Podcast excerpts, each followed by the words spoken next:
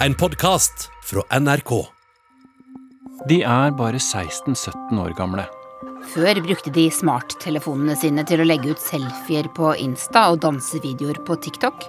Nå bruker de de samme telefonene til å kjempe for livet i gatene i Myanmar.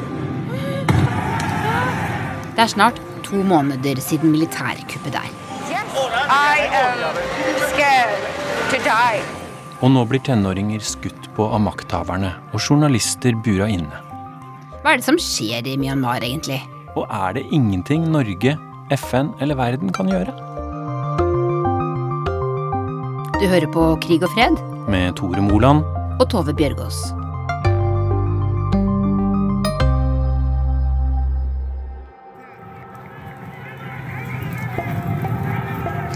De oppfordret unge kvinnelige demonstranter til å ha med seg angrepille i lomma, og det var en del av nødkit. Det er fordi når man blir voldtatt, så skal man kunne unngå uønsket graviditet. Da jeg så den, så, så fikk jeg en ganske sånn oh shit, liksom. Hvordan, hva slags tid man egentlig er i, da. for Fordi militærjuntaen er jo liksom De er jo notorisk for bruk av voldtekt som maktmisbruk. sånn at Um, det er et av de konkrete tipsene. Sier litt om hva slags situasjon de bevisst setter seg i. Da. Og hva de vet de risikerer når de er ute og demonstrerer. Jeg heter Su Tetmon, og jeg er journalist i NRK. Jeg er opprinnelig fra Myanmar og rømte med familien min i, um, da jeg var seks år gammel. Og Su, du følger ganske tett med på det som skjer i, i Myanmar nå. Eh, hvordan, hvordan gjør du det? Nei, jeg husker jo eh, 1. februar, da det var kupp. Og jeg våkna jo til en nyhetsvarsel fra NRK om at nå har det vært et militært kupp i Myanmar. Og først så trodde jeg det var noen på desken som hadde trykka feil, eller at det hadde kommet en autokorrekt. Fordi jeg så det ikke komme i det hele tatt. Jeg visste jo at demokratiet som det har vært, det var veldig sånn eh, veldig skjørt, da. Men at det skulle bli et militært kupp, det var ikke noe jeg så for meg skulle skje, da.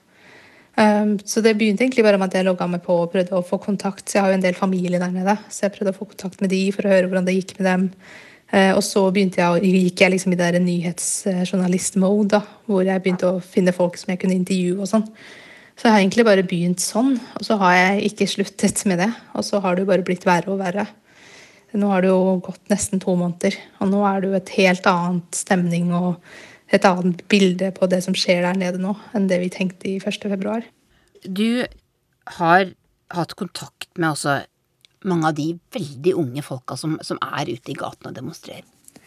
Det som vi har sett veldig mye av, det er jo alle disse unge ansiktene. Disse um, altså 17-18-19-åringene som er i står i bresjen for i demonstra demonstrasjonene. De pleide å legge ut selfier, de pleide å legge ut eh, sånn instruksjonsvideo på hvordan du skal gjøre ditt og datt. eh, Dansevideoer à la TikTok. Um, og så er det så interessant å se den reisen som de har hatt fra 1. februar til nå.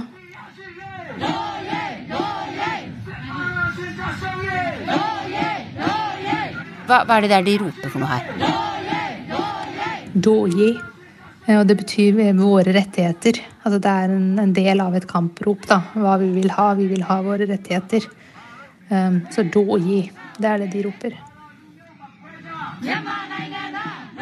Det er jo en 18-åring som jeg, jeg fant på Instagram, da, hvor han har lagt ut matvideoer. Uh, og han var jo en av de som var blant de første som var med på denne grytekampanjen, hvor man slo i gryter for å vise misnøye. Så det begynte jo med at man la ut sånne videoer og selfier med tre fingre opp. Men så har han etter hvert utviklet seg til å liksom følge med på alt som skjer, og være en slags hub for informasjon. Da, at man forteller hvor eh, nå er det masse demonstrasjoner som skjer her. Militæret har blitt observert, dere må passe på. Så han har, han har tatt den rollen til å være en slags koordinator og hjelpe folk ut i gatene. Eh, og det er jo veldig interessant å se hvor mange eh, grusomme bilder som de blir eksponert for. Ikke bare på sosiale medier, men i virkeligheten. Og hvor, um, uh, hvor grusomt det er. Men man tenker ikke over at man deler det fordi man er så desperat etter at alle som er i utlandet skal få med seg hva som skjer, da. Hva slags eh, bilder er det han, han, han legger ut eh, på Instagram? Du, da snakker vi om ganske blodige drapsbilder. Altså, det er jo snakk om knuste hodeskaller fordi folk har blitt skutt. Jeg merker at det liksom kryper litt sammen, bare jeg prøver å gjenfortelle det til deg nå. Du sier han er 18 år. Dette må være veldig, veldig farlig, det han driver med? Det er det absolutt. Han er jo en av veldig mange. Det er jo flere av de som har blitt skutt og drept i gatene, er jo folk mellom 16 og 21 år.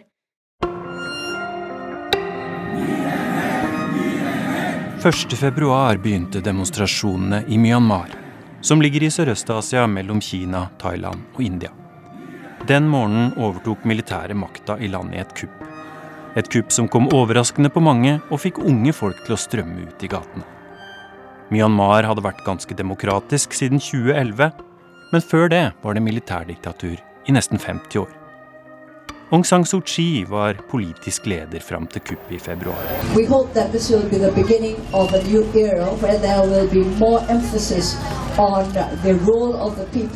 Hun er en kjent demokratiaktivist som leda demonstrasjoner på 1980-tallet og fikk Nobels fredspris for innsatsen. Men nå er Aung San Suu Kyi avsatt. Få vet hvor hun er. Generalene har igjen tatt makta. Du, fortell litt om bakgrunnen din. Du sier du kom til Norge da du var seks år gammel. Hva, hvor, hvorfor kom du til Norge? Jeg har Jeg ble jo født i 87, og så var det jo de store demonstrasjonene i 1988. Og da var faren min og mine tanter og onkler de var en del av de demonstrasjonene der. Så en, begge onklene mine og en tante av meg ble arrestert, mens pappa klarte å komme seg ut til Norge. Hva slags demonstrasjoner var det som var i, i, i 1988? Ligner de på de som er nå? Det gjør det på veldig mange måter. Um, det var studenter og unge som også sto i bresjen på de. Uh, og det var også um, altså soldater som var ute i gatene. Det begynte som fredelige demonstrasjoner, men endte med massakre. Jeg tror den verste var på én dag så ble 3000 demonstranter skutt og drept. Hva sier faren din, som, som var med på demonstrasjonene i, i, 1988? Han er først og fremst veldig imponert over de unge. Han syns de har funnet måter å demonstrere på som de ikke tenkte på da de gjorde det i 88. De har jo vokst opp og sett hvordan man har demonstrert under den arabiske våren, eh, Black Lives Matter og ikke minst Hongkong-demonstrasjonene. Så de vet hvordan de skal demonstrere og få oppmerksomheten til verden. Da. Det er derfor man også ser veldig mange skilt som står på engelsk og ikke burmesisk. I'm a Democratic Voice of Burma's senior producer. This time I'm reporting for Norwegian TV. Dette er programleder Yi Win-to. Vanligvis har han sitt eget dokumentarprogram. Men midt i februar var Yi Win-to ute i gata i Myanmar og snakka med demonstranter for NRK. They are in a revolution. So let's go and see what, what they are doing. Hva vil dere? spurte han folk.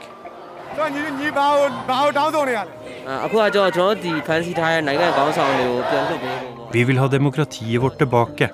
Vi vil at de løslater lederne våre, sa en av dem. Men i ukene etterpå har det blitt stadig farligere å være journalist i Myanmar. Flere er blitt drept, mange er arrestert.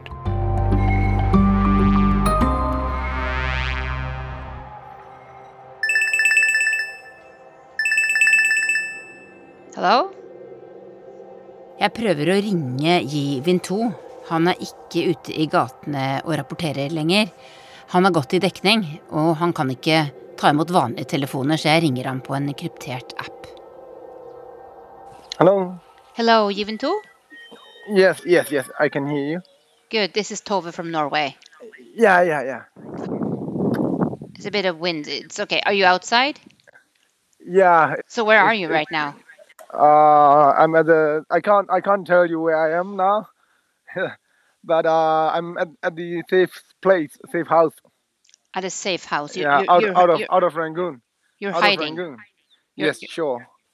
I was. Ju- I'm just hiding, hiding. I I can't let my face, you know, anyone see, because we've got. Uh, you know, the dangerous thing is informant.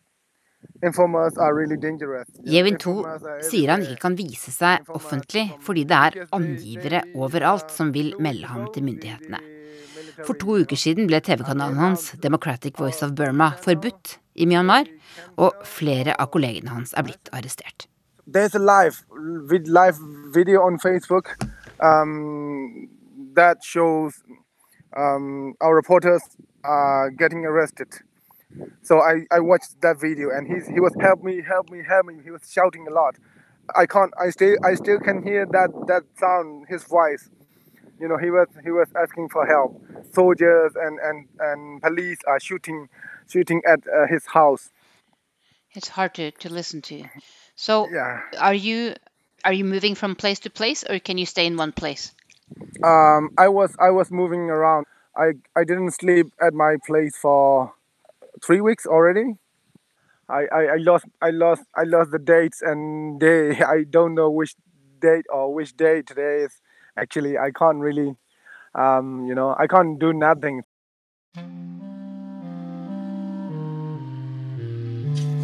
The VTC meeting of the Security Council is called to order. 10. mars ønska USAs FN-ambassadør Linda Thomas Greenfield de 15 medlemmene i FNs sikkerhetsråd velkommen til digitalt møte om situasjonen i Myanmar. Norge er medlem av Sikkerhetsrådet og deltok på møtet. FNs mektigste organ ble enige om en uttalelse som fordømte vold mot demonstrantene og ba militæret om å roe seg ned.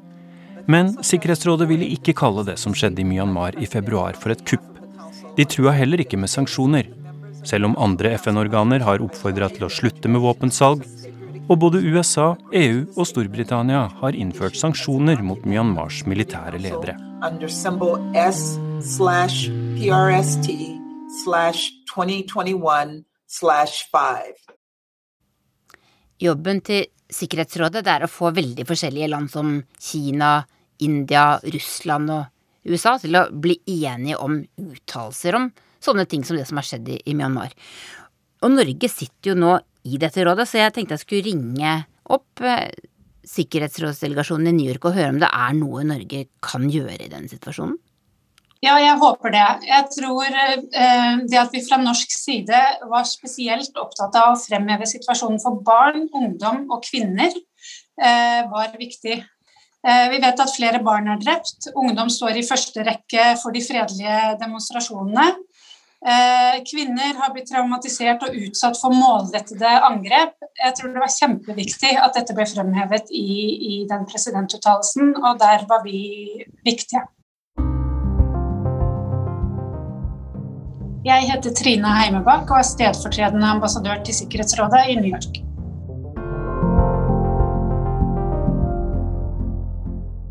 Det er jo bare en uttalelse, og den uttalelsen sier jo ikke engang at dette var et kupp. Men kan du prøve å forklare for meg hvorfor sånne uttalelser, altså, altså bare et sånt dokument, hvorfor det er viktig? Det er litt vanskelig å forstå.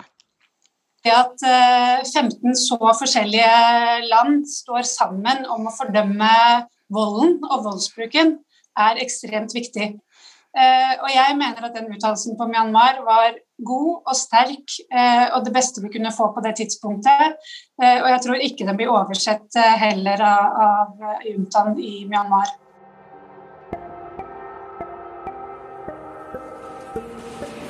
Everybody is scared to die. But life without hope is the same as dying. Ja, jeg er redd for å dø. Alle er redd for det. Men jeg er mer redd for ei framtid som er mørk og håpløs, sier 21 år gamle Konshoi Toda. Hun er en av dem som har demonstrert i ukevis i landets største by, Yangon. So I'm more scared of my future that is dark and hopeless.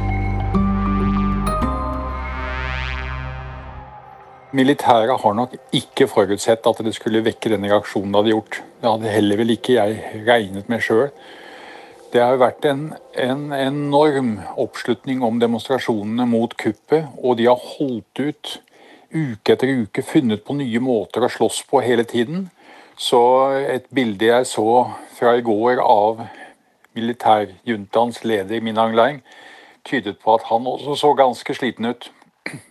Jeg tror du de føler seg truet av, av- demonstrantene, av disse tenåringene? Ja, det er, det er ikke bare tenåringene. Tenåringene er aktivistene. Det er en ny generasjon. Denne generasjonen sett som, ikke, som er født på slutten av forrige århundre eller begynnelsen av dette, men de har sine foreldre og befolkningens store flertall bak seg. Så det er klart at eh, militæret må ha skjønt nå at de har satt seg opp mot sitt eget folk. Jeg heter Stein Tønneson og er Asia-forsker på Institutt for fredsforskning. Og jeg har jobbet mye i Myanmar siden 2012. Hvorfor tok militære militæret makta i, i, i Myanmar 1.2? De påsto selv at det var fordi det hadde vært valgfusk i valget på ny nasjonalforsamling den 8. november, men det er sannsynligvis bare et påskudd. Grunnen til at de tok makten, var at det valget ble vunnet så overbevisende av Aung San Suu Kyis parti, Nasjonalligaen for demokrati. Nå har jo disse demonstrasjonene vart i snart to måneder. Hvilke alternativer har de militære lederne nå? Fra sin synsvinkel har ikke de noe altern annet alternativ enn å fortsette undertrykkelsen, og så håpe på at de kan bli sittende. Så vil de styre et land som er inne i en økonomisk misere men de vil komme tilbake til den situasjonen som militæret var i så mange år under tidligere juntastyre. Hvor de kan sitte og de vil alltid skaffe seg noen ressurser, men holde landet nede i fattigdom. Så det er nok den kanskje mest sannsynlige tingen som skal skje hvis man ser kynisk på det. Men det er jo også mulig at de må gi seg. Tenk om det kom et palasskupp i toppen av militæret. At noen som skammer seg over det militæret har gjort mot befolkningen, bestemte seg for å også kvitte seg med topplederne. Det kunne man håpe på at noe sånt kunne skje. Det kunne også komme en internasjonal intervensjon eller så sterkt press utenfra, anført kanskje av Kina, at du fikk en frigivelse av Aung San Suu Kyi, og da ville det sette gang i nye forhandlinger som kunne føre til en, en ny løsning og kanskje et helt nytt regime. Er det noe FN kan gjøre i en sånn situasjon? FNs sikkerhetsråd er to ganger blitt enige om en enstemmig uttalelse som eh, tok avstand fra, eller som krevde frigivelse av Aung San Suu Kyi og president Win Mynt og andre arresterte politikere. Og de har også tatt klart avstand fra volden. Bare det at Sikkerhetsrådet klarte å bli enige om to sånne uttalelser, var et skritt i riktig retning. Men eh, det Sikkerhetsrådet er avhengig av Kina. Russland. India er også i Sikkerhetsrådet nå. Og alle disse landene er land som har forsynt Myanmars militære med våpen. Det som ville trenges, var at Kina bestemte seg nå for å få med seg alle de andre i Sikkerhetsrådet i en aksjon som skulle føre til at San Suu Kyi faktisk ble frigitt, noe de ønsker. Og da må de true med en fullstendig, eller gjennomføre en fullstendig våpenboikott umiddelbart. Og sterke felles sanksjoner for hele Sikkerhetsrådet. Hvis det bare er Vesten som lager sanksjoner, enten det er EU eller det er USA, så har det liten virkning. Men hvis Kina bestemte seg for det, og så sin mulighet nå til å vise at de mener alvor med et multilateralt samarbeid, så ville det kunne skje noe. Su Tetmoen, hva tenker du at uh, disse tenåringsdemonstrantene håper skal skje nå? Det er jo rått parti å, å stå opp mot en, uh, en militærjunta. Ja, um, altså det er sånn det som er så litt sånn litt trist å se også. For i starten så var det som om de var helt overbevist om at bare verden fikk vite om hva som skjer, så kommer de til unnsetning. Ikke sant? Det var jo folk som sto utafor Det hvite huset og demonstrerte og håpet på at USA skulle invadere Burma for å redde dem fra sitt eget militær. Altså Det sier jo litt om hvor stort gap det er mellom folket og militæret der nede. Eh, men etter hvert så er det som om det har liksom gått litt opp for folk at hvis det skal bli gjort noe, så er det de selv som får gjøre det. Så det er veldig mange ulike måter folk har samlet seg for å kjempe for dette demokratiet. da. Og ikke minst alle de som eh, nekter å gå på jobb i den sivile lydighetsstreiken. Hvor mye de egentlig risikerer. Um, det siste jeg så nå, var jo en gruppe med jern, jernbanearbeidere. Noen av de har fått lov til å bo i Eh, kommunale boliger. Og de fikk, de fikk, beskjeden at enten kommer du på jobb, eller så flytter du ut av huset. Og da har det sett veldig mange bilder av folk som har pakket sammen det lille de har, og viser tre fingretegnet idet de er på vei ut av eh, bygget sitt. Fordi de vil heller gå på gata enn å gå på jobb og ikke være med en del av den demokratikampen. Da. Det var en som sa noe som jeg husker veldig godt, eh, som jeg noterte meg ned. og Det var at eh, hvis demokratiet, altså hvis folket vinner, så kan Myanmar bli som Sør-Korea. Og hvis militæret vinner, så blir det Nord-Korea. Og jeg tror det er det tankegangen folk flest har da, når de prøver å tenke ut om de skal ut og demonstrere i dag eller ei. Du har hørt Krig og fred fra NRK Urix. Lydregien var ved Lisbeth Sellereite. Denne podkasten lages av Tore Moland og meg, Tove Bjørgaas. Og redaktøren vår er Sigurd Falkenberg Mikkelsen. Hei, jeg heter Tom Kristiansen. Jeg kan fortelle deg om steintavlene med de ti bud. De ligger i ei kjerke i Etiopia. Vet du hvordan Sør-Afrikas president plyndra statskassa for 250 milliarder kroner? Hørt om Koigi fra Kolbotn som planla et statskupp i Kenya, sa de. Jeg har forresten drukket te med to folkemordere i Sør-Sudan. Toms afrikanske fortellinger ligger i appen NRK Radio.